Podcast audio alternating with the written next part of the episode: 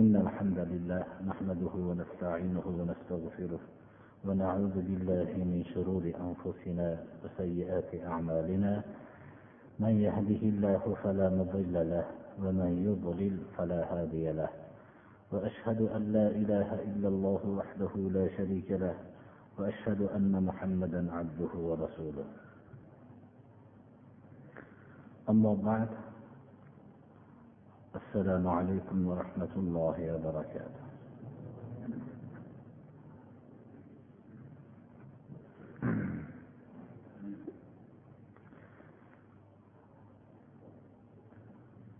أعوذ بالله من الشيطان الرجيم. ثم بعثنا من بعده موسى بآياتنا إلى فرعون وملئه فظلموا بها. فانظر كيف كان عاقبة المفسدين alloh subhanahu va taolo bu surai arofda juma kunida davom etayotgan darsimizda surai arofda payg'ambarlar silsilasini bayon qilgan oqimda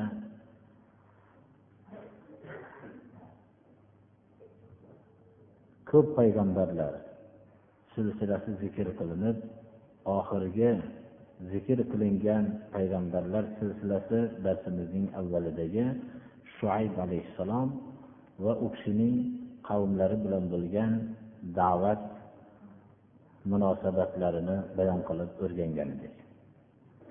Bugungi darsimizda alloh subhanahu va taolo muso alayhissalomni payg'ambar qilib jo'natganligi va yer kurrasidagi tarixda o'tgan eng zolim bo'lgan fir'avnga jo'natganligini bayon qiladi.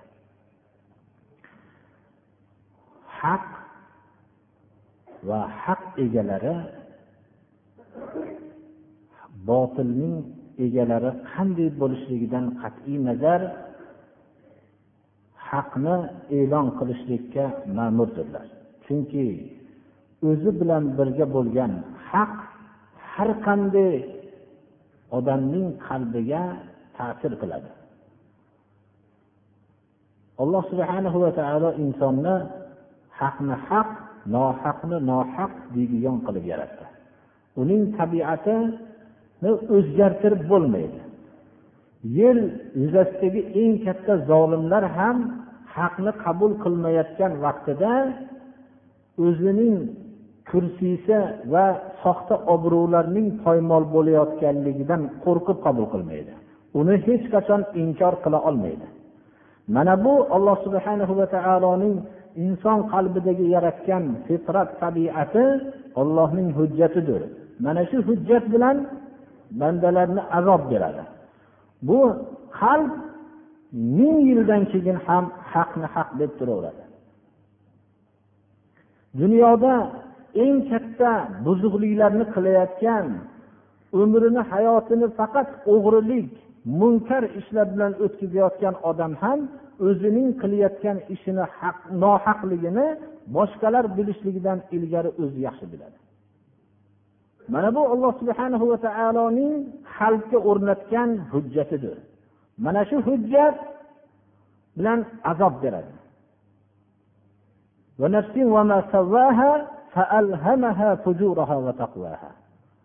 Alloh subhanahu va taolo fujur nima taqvo ish nima ilhom qilib bildirib qo'ygandir payg'ambarlar olib kelgan yo'l mana shu fitrat bilan tutashadi shu fitrat ozuqasiga fitrat jamg'armasiga suyanadi mana shu voqening har qancha buzilib ketganligidan tushkunlikka uchramaydi mana bu insonning qalbida o'rnashgan fitrat pok fitrat jamg'armasiga suyangan holatda ish qiladi. Bu fitrat payg'ambarlar olib kelgan yo'l bilangina tutashib o'zining ustidagi johiliyat axlat uyumlarini hammasini tagidan qo'poriladida shu haqiqat bilan uchrashib payg'ambarlar yo'lining haq deydi. Agarchi hayoti bo'yicha zalolatda o'tgan bo'lsa ham alloh subhana va taoloning hidoyati nasib bo'lib qolsa mana bu bugungi darsimizda ham shuni o'rganamiz. Inshaalloh umri bo'yi fir'avnning xor xizmatkori bo'lib u fir'avnga yaqin bo'lishlik o'zining orzusi bo'lib shu fir'avnning botil egasi zolimning butun shundan maosh olib shuning aytganini qilib berib yurgan sehrgarlar muso alayhissalom olib kelgan haqni bilishgan vaqtlarida bir lahzada alloh subhanahu va taologa iymon keltirib o'zlarining badallarini pora pora bo'lib ketishligiga rozi bo'lishdilar haqdan jilmadilar. Alloh subhanahu va taolo bu payg'ambarlar silsilasini bizga xabar beryaptiki har qanday haqqa chaqiruvchi kishi voqedagi buzuqliklar zulmlar shirklar bidoatlar ko'rinib turgan johiliyat uyumlaridan tushkunlikka uchramasin. Ana shu johiliyatda yashayotgan xalqlarning qalbi alloh subhanahu va taoloning qo'lidadir. Alloh subhanahu va taolo bu xalqlarni qalbiga pok bir fitratni yaratganki uni hech kim o'zgartira olmaydi. Mana shu fitrat jamg'armasiga suyangan holatda haqni gapirishsinlar. Alloh subhana va taoloning hidoyati nasib bo'lganlar qabul qiladi. Keyin deydi alloh subhana va taolo o'tgan payg'ambarlardan keyin muso alayhissalomning mo'jizotlarimiz bilan dalillarimiz bilan fir'avn va uning saroyidagi atrofidagi kishilarga jo'natdik. Alloh subhanahu va taolo buning natijasini ham tezda bizga bildirib qo'yyapti. Fir'avn va uning saroy odamlari alloh subhanahu va taolo jo'natgan bu mo'jizot dalillarga zulm qilishdi inkor qilishdi. Zulm ollohni yo'lini inkor qilishlikdir. Zulm ollohga shirk keltirishlikdir. Qur'on istilohida zulmni kufr va inkor ma'nolarida ko'p iste'mol qilinadi. Bu buzg'unchilarning oqibati qanday bo'lganligini qarang. Qaraylik ularning oqibati nima bo'ldi? Alloh subhanahu va taolo bizga bayon qilyapti. Ishning avvalida zulmning ta'siri bo'lishi mumkin. Zulm zohirda yengayotgan bo'lishligi mumkin lekin oqibatda zolimlar albatta sharmandalarcha hayotda achinarli bir holatda bo'lishadi oxiratdagi azobdan tashqari. Qarang hayotdagi qisqa hayotingizdagi ibratlarga. Qaysi zolim o'zidan najot topib ketdi? qaysi zolim malun bo'lmasdan o'ldi har bir zolim hayotda xalqlar tarafidan la'natxonada qolib ketdi oqibat albatta alloh subhanahu va taolo jo'natgan haqniki bo'ladi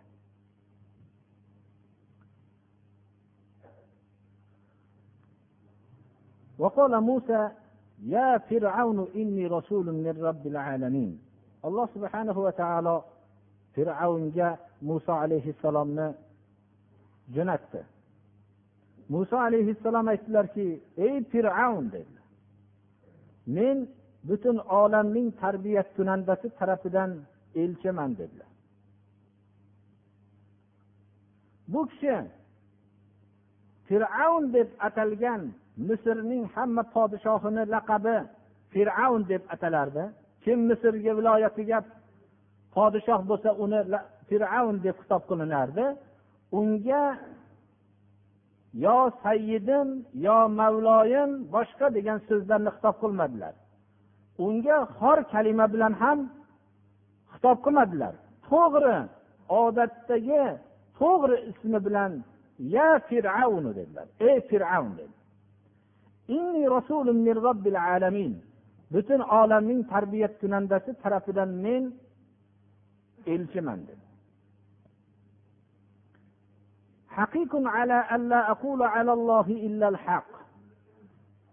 Ollohga haqdan boshqani aytmaslikka loyiq odamman dedi.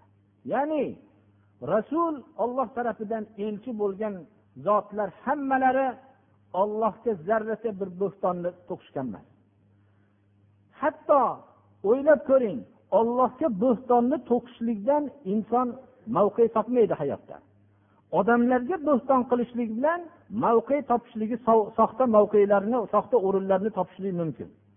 Lekin ollohga yolg'onni to'qishlikdan hech qanday insonga manfaati yo'q.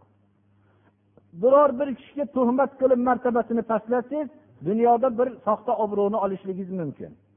Biror bir odamni sha'niga bo'xton qilsangiz uniga g'alaba qilishligingiz mumkin hayotda. Lekin ollohga bo'xton qilishlikda hech qanday mavqei yo'q.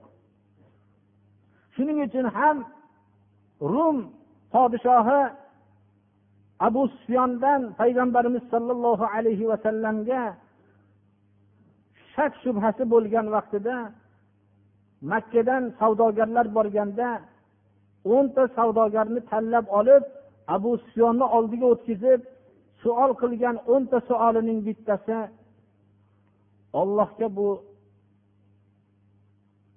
odamlarga bir yolg'on to'qiyaptimi deb so'radi. Odamlarni sha'niga yolg'on gapirib bo'xton qilyaptimi deganda yo'q. Hargiz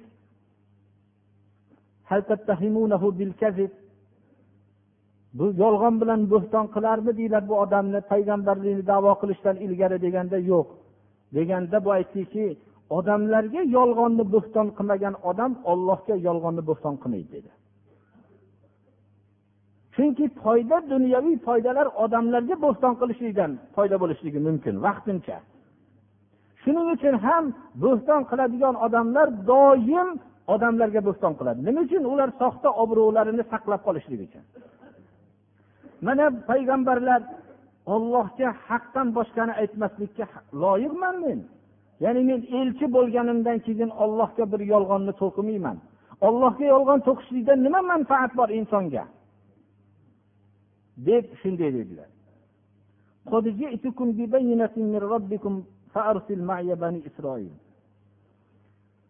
Alloh subhanahu va taolo hamma payg'ambarlarni mo'jiza dalil bilan jo'natdi. Chunki har bir kishi bir narsani davo qilsa dalil bo'lmoqligi kerak.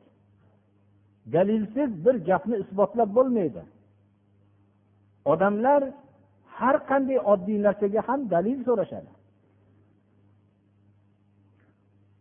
Bu kishi aytdilarki men rabbiylar tarafidan mo'jiza dalil olib keldim. Bani isroilni men bilan qo'yib yuboring. Bani isroilni u fir'avn baylab olgan emas edi fir'avn ular bani isroilni qamab qo'ygan emas edi bani isroilning o'zini to'qigan hukmiga bo'ysundirgan edi ya'ni bani isroilni o'zingni hukming bilan o'zingga qul qilmagin buni qo'yib yuborgin men bilan. Ollohni hukmiga qul qilgin dedi. Fir'avn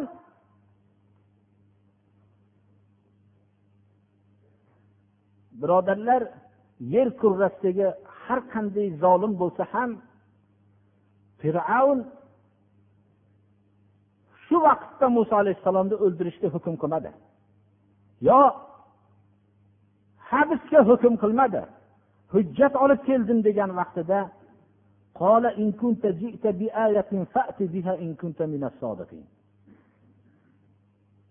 agar sen hujjat olib kelgan bo'lsang shu hujjatingni olib kel. Agar sodiq davoingda sodiqlardan bo'lsang deb hujjatini bir so'rab ko'rdi birodarlar. Tarixdagi o'tgan zolimlar ham bir qator hujjatiga bir quloq soldi.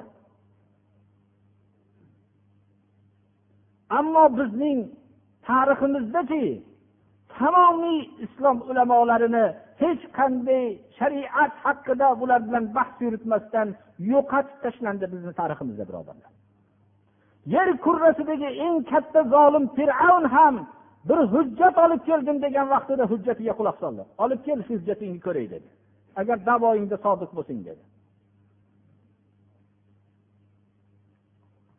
Alloh subhanahu va taolo har bir payg'ambarga hujjat mo'jiza berganida shu davrdagi rivojlangan narsada yuqori bir mo'jiza bilan jo'natgan edi. Har bir davrda bir fan rivojlanishligi mumkin. Odamlar bu fan rivojlanishligi bilan davo qilmasinlarki ilgarigi davrda hech bo'lmagan narsa bizda bo'ldi deb. Bu nihoyatda bir xato faxrlanishlikdir.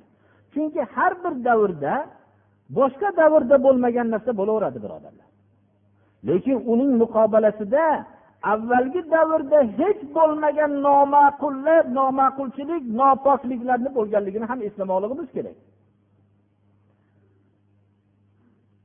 Bir odam har bir kishi o'zining kichkina oilasida ham avvalgi dadasini davrida bo'lmagan narsa bo'laveradi.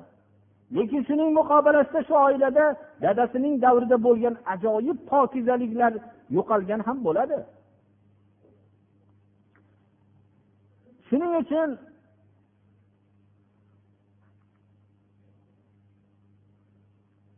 shu davrdagi mo'jizani alloh subhana va taolo davr aqliga muvofiq taniydigan mo'jizani berishligi ham rahmatidandir. Ibrohim alayhissalomni davrida odamlar juda bir munozarachi bo'lgan. Alloh subhana va taolo ibrohim alayhissalomga munozara ilmini berdilarki bu kishi har qanday odam bilan suhbatdosh bo'lganlarida xomush qilib qo'yadilar iso alayhissalomning davrida tabobat ilmi rivojlandi. Birodarlar tarixda ham tabobat rivojlangan. Hamma odamlar tabobat bo'lmagani uchun o'lib ketgan tib ilmi bo'lmagani uchun o'lib ketgan degan safsatalar to'g'ri emas birodarlar. Tabobat ilmidan o'likni tiriltirish oq badanni tuzatish va tug'ma ko'rlarni tuzatish ba'zi bir kasalliklargina qolgan edi. Alloh subhana va taolo bu mo'jizani iso alayhissalomga berdi. Shunga o'xshagan hamma davrda alloh subhana va taolo payg'ambarlarga shu davrning aqli tez qabul qiladigan mo'jizani berdi. Bu ollohning rahmati bo'ldi. Shu yerda o'tirgan kishilar hammalari duradgor bo'lsa bir temirchi kishi qilib kelgan hunarni bilmaymiz birodarlar. Duradgor qilib kelgan hunarni biz qadrlaymiz. Chunki bizni fikrimiz shuni qabul qila oladi. Unday ajoyibotlikni taniymiz. Muso alayhissalomning davrida sehr ilmi hozirgi vaqtda ham ko'zni bo'yab har xil hunarlar ko'rsatishlik rivojlangan shunday sehr ilmi rivojlangandi. Sehr bu botil narsa. U o'zi haqiqat emas. U bir shunday xayollanadigan narsa.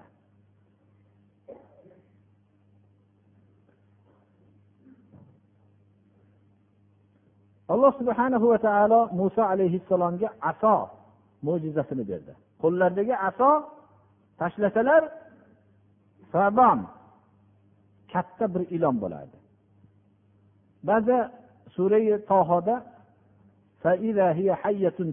keladi. Hayya ilon. Bu yerda ba'zi mufassirlar sabon bilan hayyani farqini qilishadilar lekin bu hayvon ilmini ulamolari tomonidan ba'zilar farqi bor. Bu katta sabon katta ilon deyishadilar. Shuni bilamizki bir katta mayli ilon ma'nosida.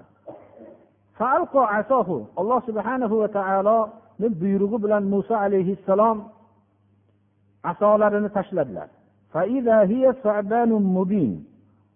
Ya'ni bu katta bir ilon bo'ldi. Ilonligi bir hayoliy ilon bo'lmadi mubin aniq bir ilon bo'ldi.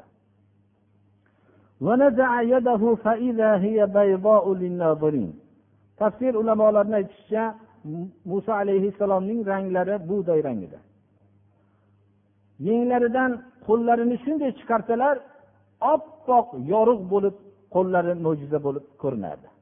Qarovchilarga qo'llarini chiqardilar qarabsizki qo'llari qarovchi kishilarga oppoq bo'lib ko'rindi. Ya'ni bu oq bo'lishlik dard bilan bo'lgan oq emas go'zal chiroyli bir oq nurlik bo'lib ko'rindi. Hamma badanlari bug'doy rang bo'lib qo'llarining oq nur bo'lib turishligi mo'jiza bo'ldi. Bu to'satdan bo'lgan narsa mo'jizaligi aniq bo'ldi. olloh robbil alamin tarafidan elchi ekanliklariga hujjatni ko'rsatdilar.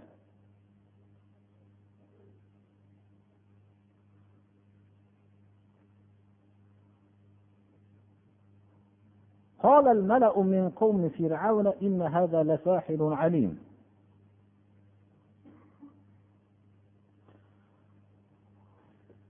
fir'avn va saroy odamlari muso alayhissalom olib kelgan yo'lni aniq bilishdi. Bu yo'l ularning soxta kursiylari va xalqlar o'rtasidagi soxta martabalariga tamomiy yo'q bo'lishligining e'loni ekanligini tushunishdi. Hujjat yo'lning haq ekanligini isbotlab turibdi. Shu vaqtda insonning ko'proq adashtiradigan kishilar uning atrofidagi kishilar bo'ladi.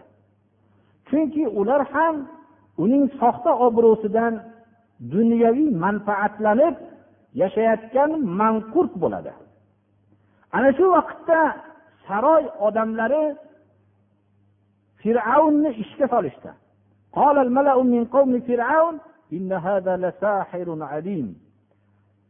Fir'avnning odamlaridan kattalari mala saroy odamlari bu juda ham bilimdon sehrgar ekan dedi. Bunda shak shubha yo'q dedi.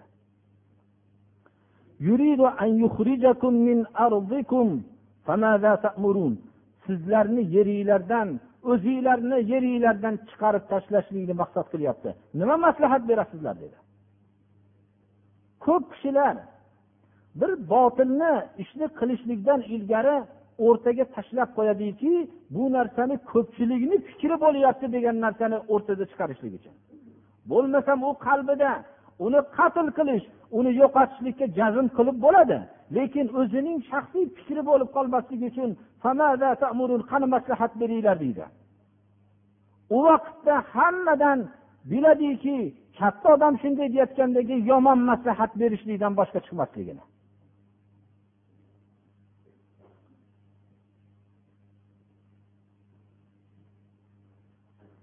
Shunda ham shunchalik zolim kishilar bo'lsa ham ular buni qatl qilib hozirdan habs qilib yo'qotib tashlashlik kerak deyishmadi.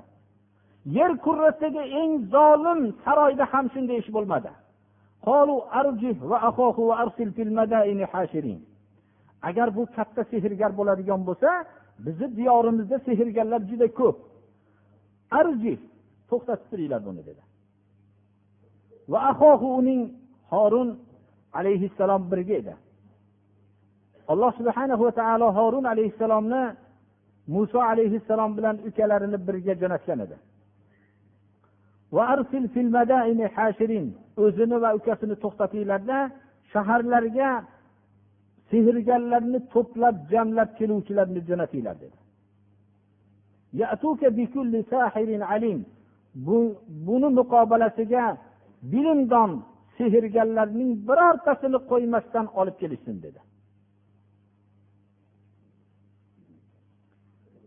Demak fir'avnning odamlarining fir'avn atrofida to'plangan saroy odamlarining ra'yi qaror topdiki fir'avnni muso alayhissalomning bir mavid bir vaqt bir vaqtga to'xtatishlikka va o'zining viloyatidagi hamma sehrgarlarni jamlashlikka muso alayhissalomning o'zlarini davolaricha sehri bilan tortishib uni mag'lub qiladigan sehrgarlarni olib kelishlik uchun maydon va o'rin va vaqtni tayin qilishdi.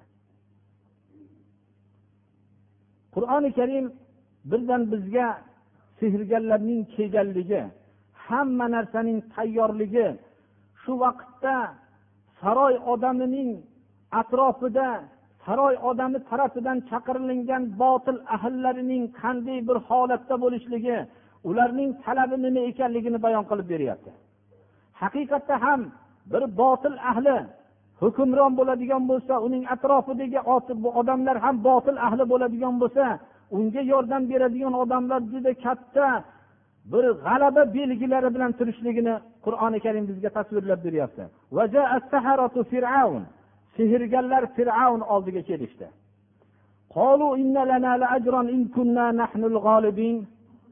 Sehr musobaqasini o'tkazishlikdan ilgari o'zlarining qalblaridagi maqsadni bayon qilishdi. Qiyomatgacha bo'lgan har bir botil ahlining maqsadi shudir. Bizga agar g'olib bo'lsak mukofot bormi haq bormi bizga dedi birinchi botil ahli o'zining botil ishini qilishlikdan ilgari haqni talab qilib oladi. Ammo haq ahli uning haq bo'lishligi uning muqobilasida mukofot bo'lishligini e'tiborga olmaydi. U mukofoti oxiratda bo'lishligini muqarrar biladi. Dunyodagi berilgan mukofot deb o'ylanayotgan narsalar u ham menga imtihon deb biladi. Imtihonning boshqa bosqichi deb biladi. Agar biz qat'an g'olib bo'lsak bizga haq bormi dedi.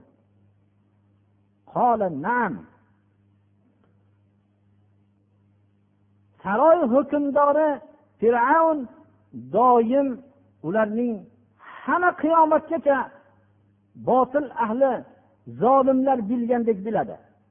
Nam dedi unda shak shubha yo'q dedi. Haq bor sizlarga. Undan boshqa mukofot meni yaqin odamlarimga aylanasizlar dedi.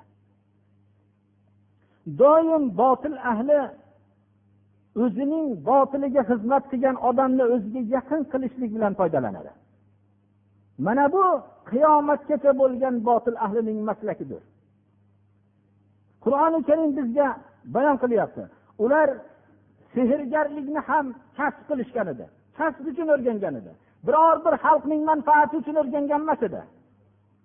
Ular sehrgarlik bilan tiriklik qilishardi. Uni go'yoki bu saroy atrofida jamlangan kishilar botil bilan tiriklik qilishgandek fir'avn atrofidagilar va shu bilan birga borib borib ular hamma narsani bir tiriklik maqsadida qilishardilar. O'zlarining dinlarini ham tiriklik maqsadida sotishardi.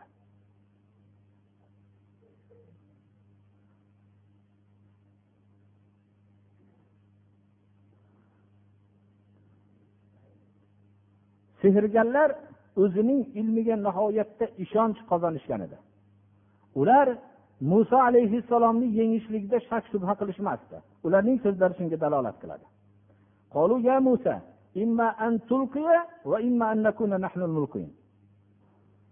Biror bir kishi siz bilan jang qilmoqchi bo'lsa yoyinki biror sohada musobaqa qilmoqchi bo'lsa o'zining ilmiga ishonganligini ko'rsatishligi nima bilan bo'ladi? Siz boshlaysizmi yo biz boshlaylikmi deb o'rtaga tashlaydi. Bu o'zining ilmiga ishonch hosil qilgan odamni ishi. Mabodo bir kishi bilan jang qilib yakkama yakka kurashishlik uchun urush uchun jamlangan odam ham urushni siz boshlaysizmi menmi? deydi. Bu bu aytgan so'zni aytgan odam o'zining quvvatiga to'la ishongan odam aytolmaydi sehrgarlar to'la ishongan edi. Muso alayhissalomni g'alaba qilamiz degan edi.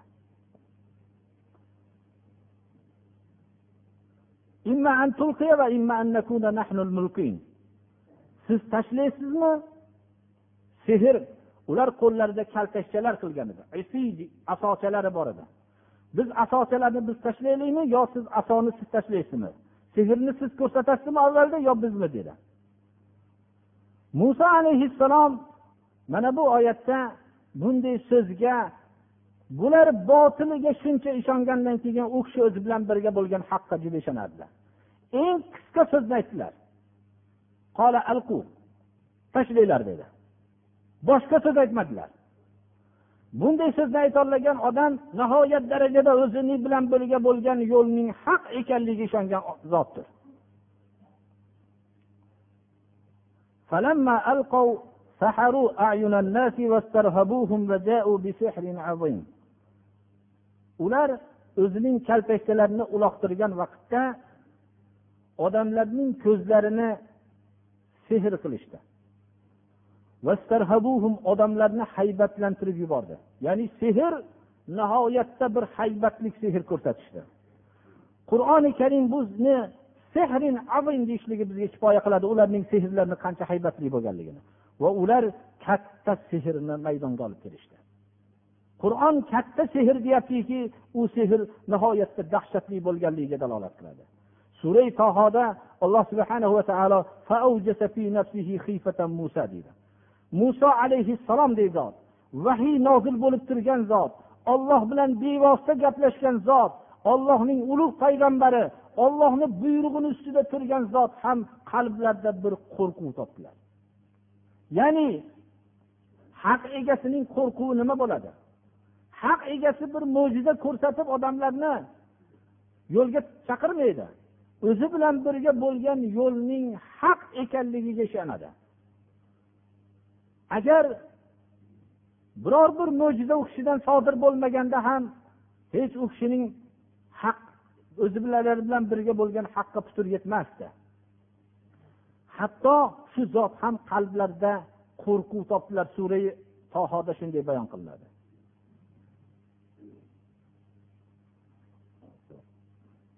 Alloh subhanahu va taoloning muso alayhissalom vahiysini kutib turdilar. Hamma to'plangan. Sehrgarlar katta sehrni ko'rsatdi. Ular endi hozir mukofot olish arafasida. Ular fir'avnga bugundan boshlab yaqin bo'lishlik arafasida turishibdi. Hamma odamlar musoning yo'li botilligi bilindi degan narsada turishibdi. Muso alayhissalom olloh tarafidan bo'lgan vahiyni kutib turibdilar. Vahiy qildik deydi alloh taolo muso alayhissalomga asoyingizni tashlang uloqtiring dedi. Ular to'qigan bo'ston sehrlarni hammasini yutib qo'llariga aso bo'lib keldi.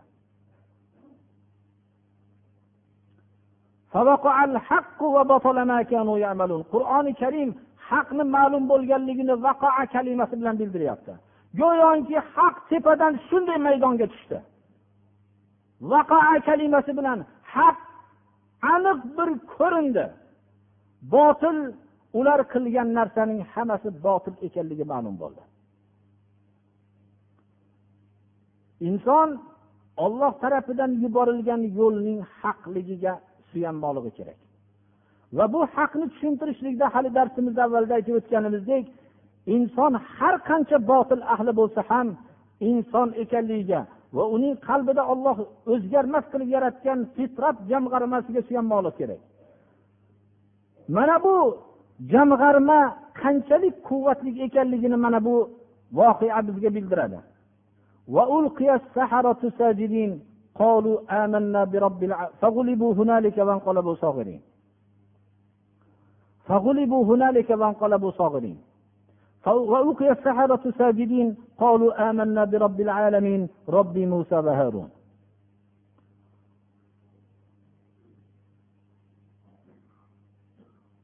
mag'lub bo'lishdi sehrgarlar juda mulzamlikka aylanishdi ular shu yerda bir daqiqa ilgari fir'avndan mukofot olmoqchi bo'lib turgan Fir'avnga yaqin kishilarga aylanishlikni umid qilib turgan sehrgarlar. Fir'avnning bugun saltanatini saqlashlik uchun xizmat qilib turgan sehrgarlar shu vaqtda sajda qilgan holatda yiqilishdida biz butun olamning tarbiyat kunandasi muso va horunning robbi robbil olaminga iymon keltirdik deyishdi. Ana insonning qalbidagi fitrat toza fitrat har qancha botil ichida yashasa ham turishligiga dalildir birodarlar. Bu mo'jizalar rasululloh sollallohu alayhi vasallam davrida ham takrorlandi birodarlar.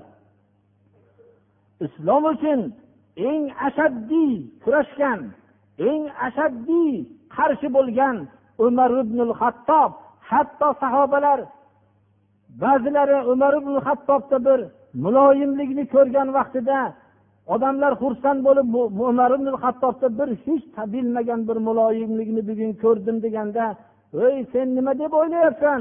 Umarni eshagi musulmon bo'lishiga ishonaman o'zini musulmon bo'lishligiga ishonmayman deyayotgan umar ibn hattob bir daqiqada islomning eng kuchli yordamchisiga aylandi. Bu mo'jiza sahobalar davrida takrorlandi birodarlar.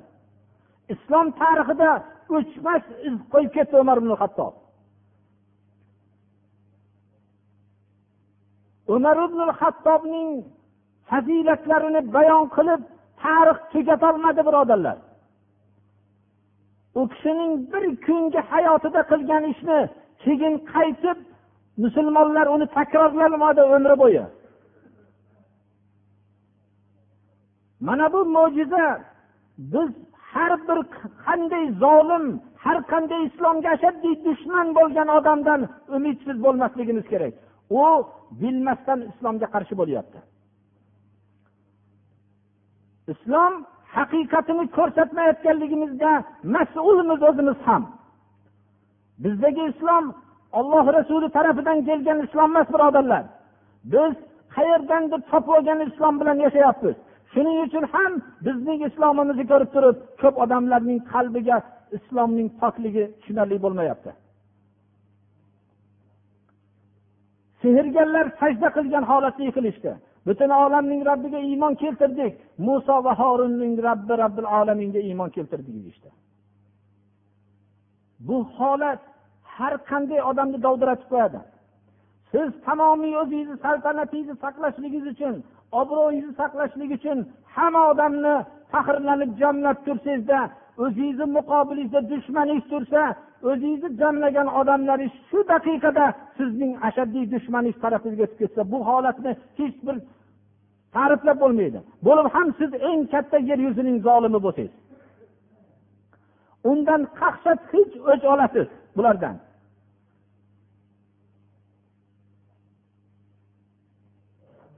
قال فرعون آمنتم به قبل أن آذن لكم zolim atrofidagi kishilar mana bu kalima shunga dalolat qiladi hatto o'ylashlikni ham zolimdan ruxsat so'rab turib o'ylashadi bir narsani fikrlashlikni ham zolimdan bir so'rasakmikin shuni fikrlash ruxsatmikin deb ruxsatlanadigan darajaga olib chiqadi U so'zni gapirishlik biror ishni qilishlik u yoqda tursin.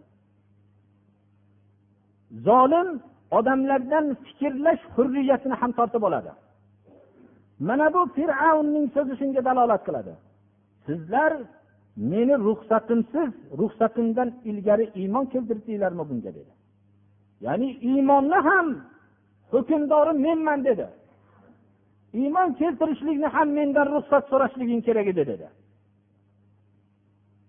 O'zining yaratuvchisiga rizq beruvchi zotga har daqiqada havo berib turuvchi zotga bo'lgan iymonni ham zolimdan so'rab iymon keltirishlik darajasiga olib chiqadi. Zulm haqiqiy zulm qaysi zulm? Aqida erkinligini tortib olishlikdir. Islomda majburlik yo'q aqidani tanlashlikda. Xohlagan iymon keltirsin xohlagan kofir bo'lib do'zaxga o'tin bo'lsin. aqidada majburlik yo'q la ikroha din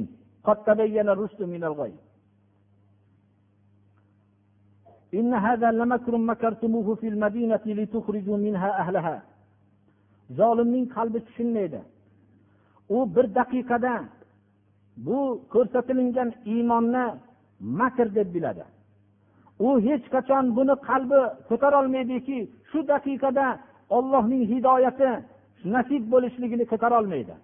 Buni albatta bir makr sahna uyushtirishgansan senlar menga deydi. Shaharda uyushtirishgan o'zlaring uyushtirishgan makrdir deydi.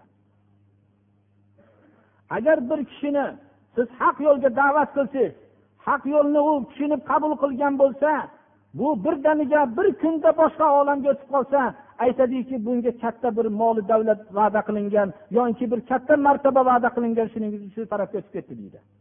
Chunki zolimlar o'zlarining yo'liga doim katta molni va'da qilib biror bir martabani va'da qilib olib o'tadi.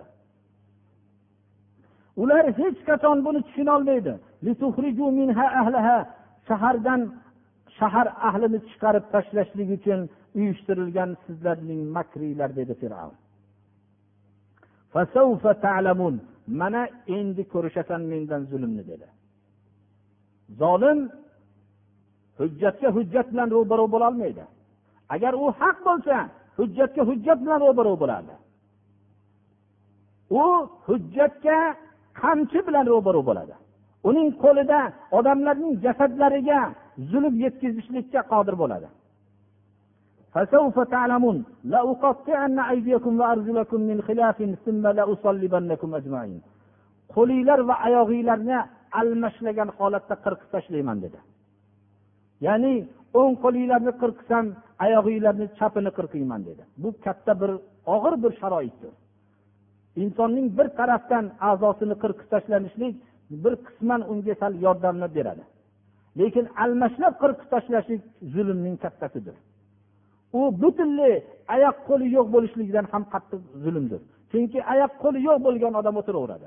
Qiyinchilikni o'zidan ko'tariladi. Ammo ma'lum bir oyoqlari almashlangan holatda qolinishligi qo'lining o'ng qo'li oyog'ining chap qo'lini qolishligi bu qattiqroq zulm bo'ladi. Zulmning eng qattig'i fir'avn ko'rsatgan zulm edi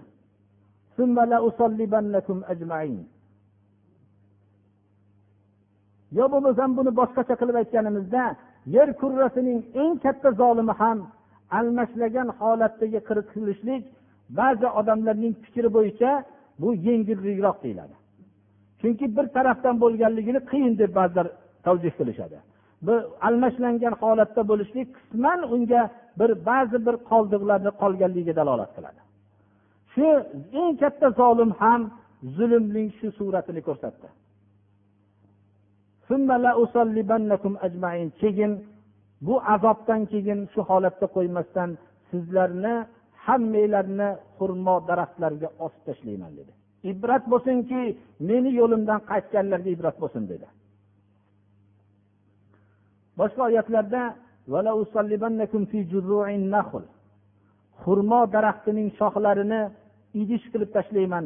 Go'yoki xurmo daraxtlari sizlarning jasadinglarning bo'laklariga idish bo'lib ketadi shunga solib tashlayman dedi.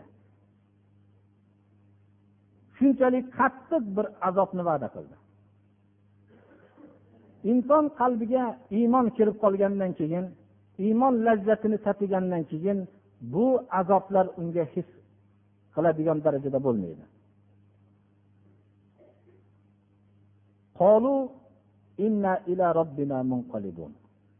Biz rabbimiz tarafiga ketyapmiz dedi. Biz boshqa tarafga emas. Biz sendan maosh olishlikka ketayotganimiz yo'q. Sendan bir martaba olish tarafiga ketayotganimiz yo'q. Biz hatto robbimizdan mukofot olishlik uchun ham ketayotganimiz yo'q dedi. Robbimizning o'zi tarafiga ketyapmiz dedi. Robbimizning jannati tarafiga ham ketyapmiz demadi.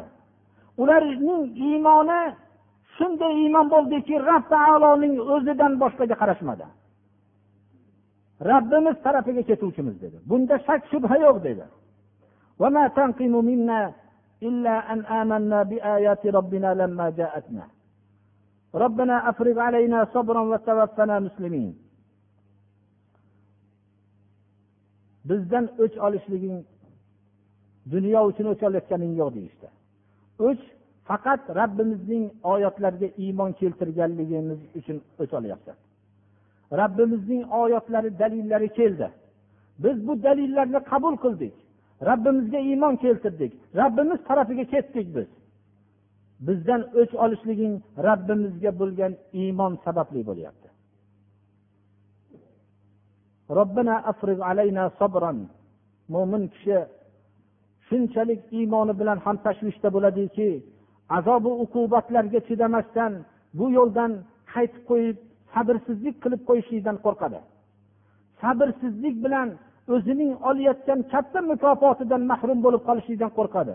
Va allohga duo qiladiki o'zining raqibidan talab qilmaydi zulmni ozroq bergin demaydi.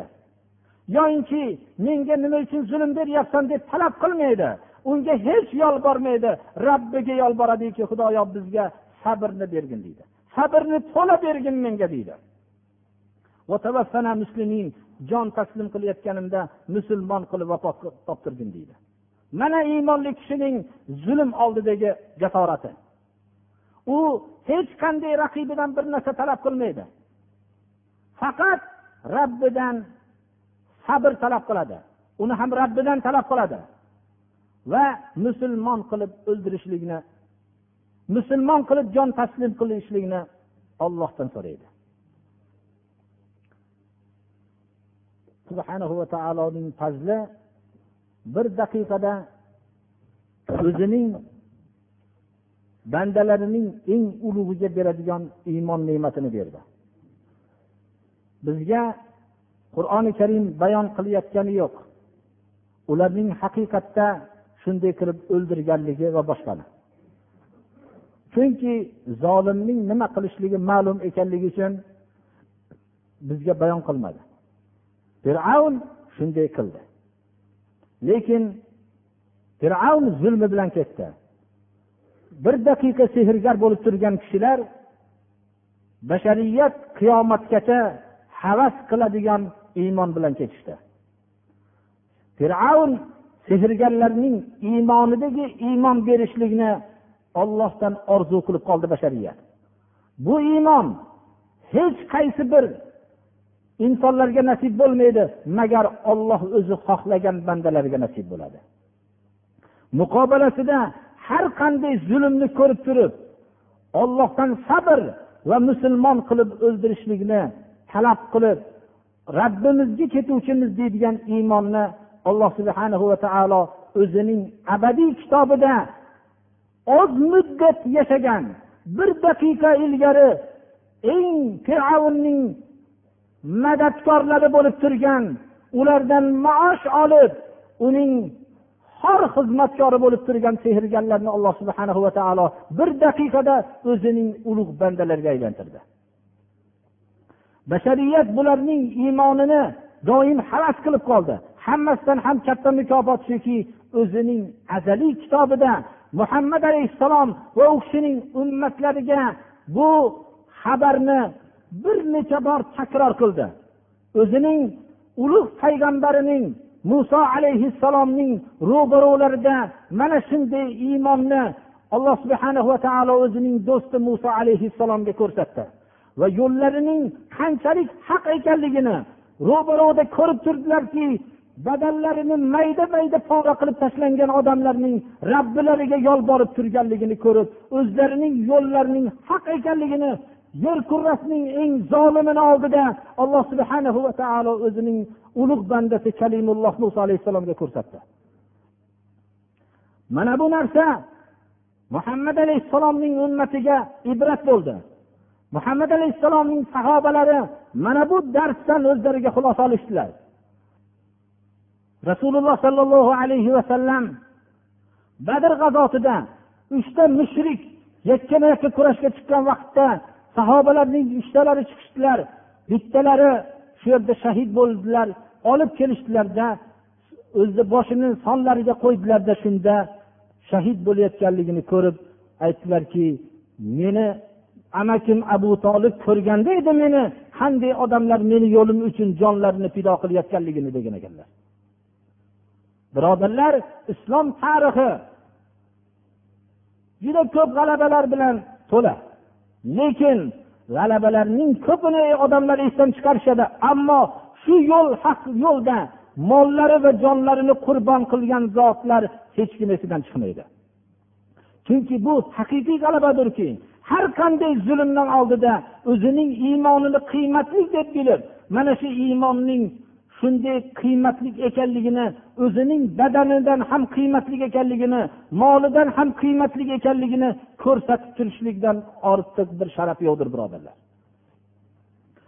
Fir'avn vaqtidagi mana bu sehrgarlarni bir daqiqada iymon bilan kelib shunday qattiq zulmga bardosh berolmasligi bilan muso alayhissalomning alloh subhanahu va taolo ko'zini xursand qildi.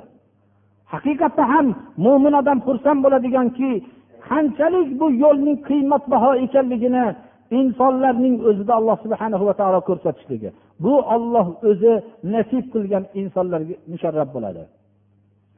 Fir'avn ham o'zining oxiratdagi azobiga tayyorgarlik ko'rishlik uchun u ham shunday pok insonlarning vahshiyona o'ldirishligi kerak edi. Qiyomatgacha bo'lgan zolimlar ham o'zining jahannamdagi jahannamga o'tin bo'lib jahannamdagi og'ir azoblarga tayyorgarlik ko'rmoqlilari kerakki ular ham pok insonlarni ular yo'qotmoqligi kerakdir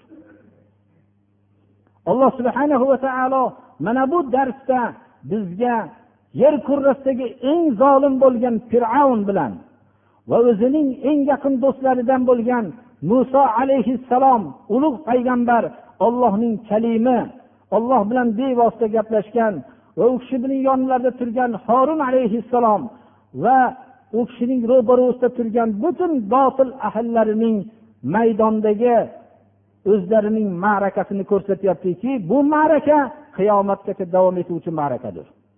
Haq bilan botil qiyomatgacha kurashib boraveradi.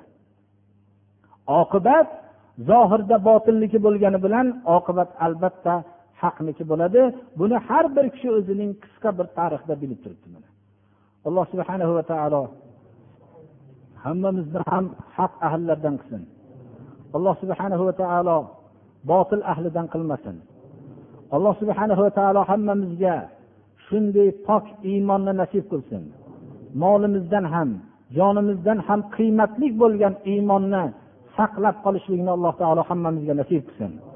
alloh subhanahu va taolo har bir din yo'lidagi qiyinchilikka sabr alloh ato qilsin va dunyodan ketayotgan vaqtimizda o'zimiz uchun eng qiymatli bo'lgan iymon va islom bilan dunyodan o'tishlikni hammamizga nasib qilsin وصلى الله تعالى على خير خلقه محمد وآله وأصحابه أجمعين